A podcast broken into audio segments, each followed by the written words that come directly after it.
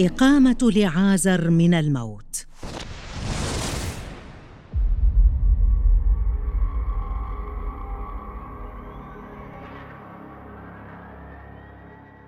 كان ميتا ثم أعيد للحياة. رجل يعد من أكثر الشخصيات التوراتية غموضا إلى اليوم. حتى إن حياته بعد عودته من الموت لا تزال محط شك وجدل كبيرين. من هو لعازر أو لازاروس؟ وكيف سارت حياته بعد أن أقامه النبي عيسى عليه السلام من الموت؟ هذه المعجزة شهد عليها الكثير من اليهود الذين كانوا قد قدموا للمشاركة في الحزن على لعازر الذي مات قبل فترة قصيرة. ولعازر هذا كان من بلدة بيت عنيا وكان يعيش هناك قرب القدس في فلسطين. تشير الرواية إلى أن نبي الله عيسى عليه السلام كان محبا للعازر وأخوته مرتا ومريم وأنه عندما مات بسبب المرض بكى السيد المسيح وانزعج بشدة وعليه وصل السيد المسيح إلى العزاء بعد أربعة أيام من دفن لعازر وحصل ما لم يتوقعه أحد. يقول الفصل الحادي عشر من إنجيل يوحنا كان رجل مريض وهو لعازر من بيت عنيا من قرية مريم وأختها مرتا فقال لهم عيسى عندئذ صراحة قد مات لعازر فلما وصل عيسى وجد أنه في القبر منذ أربعة أيام. فلما سمعت مرتا بقدوم عيسى خرجت لاستقباله في حين أن مريم ظلت جالسة في البيت. فقالت مرتا لعيسى يا رب لو كنت ها هنا لما مات أخي ولكني ما زلت أعلم أن كل ما تسأل الله فالله يعطيك إياه.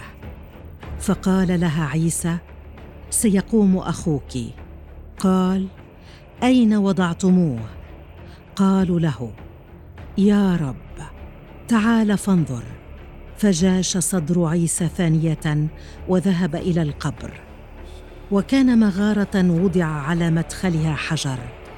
فقال عيسى ارفعوا الحجر. قالت له مارتا أخت الميت. يا رب لقد أنتن فهذا يومه الرابع. فرفعوا الحجر. قال هذا ثم صاح بأعلى صوته. يا لعازر هلم فاخرج. فخرج الميت مشدود اليدين والرجلين بالعصائب. ملفوف الوجه في منديل. فقال لهم عيسى حلوة ودعوه يذهب. قام لعازر من قبره في كفنه.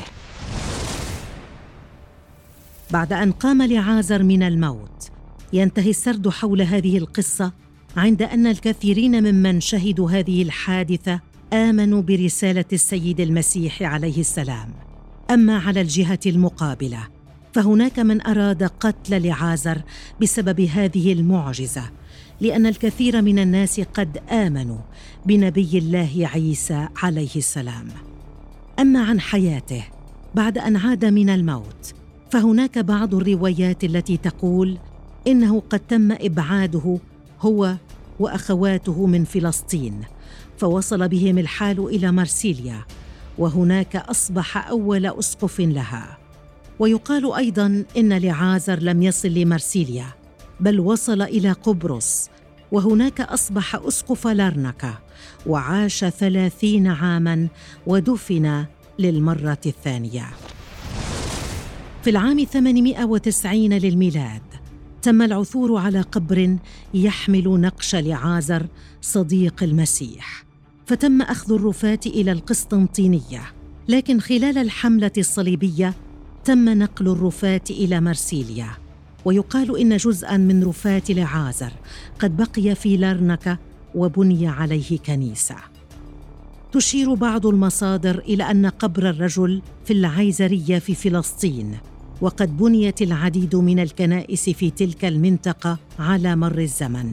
أما اليوم فهو مسجد يحوي مقاما لعزيز الذي ذكر في القرآن الكريم وربما هو نفسه ذات الشخص تم تكريم لعازر في الإسلام على أنه صديق للسيد المسيح وأيضا بسبب أن هذه المعجزة التي قام بها السيد المسيح كانت لهذا الشخص. فالكثير من المصادر الإسلامية تذكر القصة عند ذكر معجزات السيد المسيح عليه السلام. الكثير من الروايات الأدبية تناولت موضوع لازاروس أو لعازر حتى إن بعض ألعاب الفيديو ذكرت هذه الحادثة في أحد أجزائها.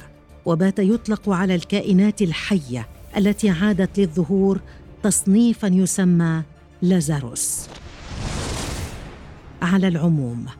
هذا ما نعرفه عن لعازر وعن حياته الثانية بعد أن عاد من الموت بمعجزة إلهية. وحتى الآن لم تزل هذه القصة أو الحياة التالية لنكون أكثر موضوعية محل شك للكثير من الروايات الأخرى.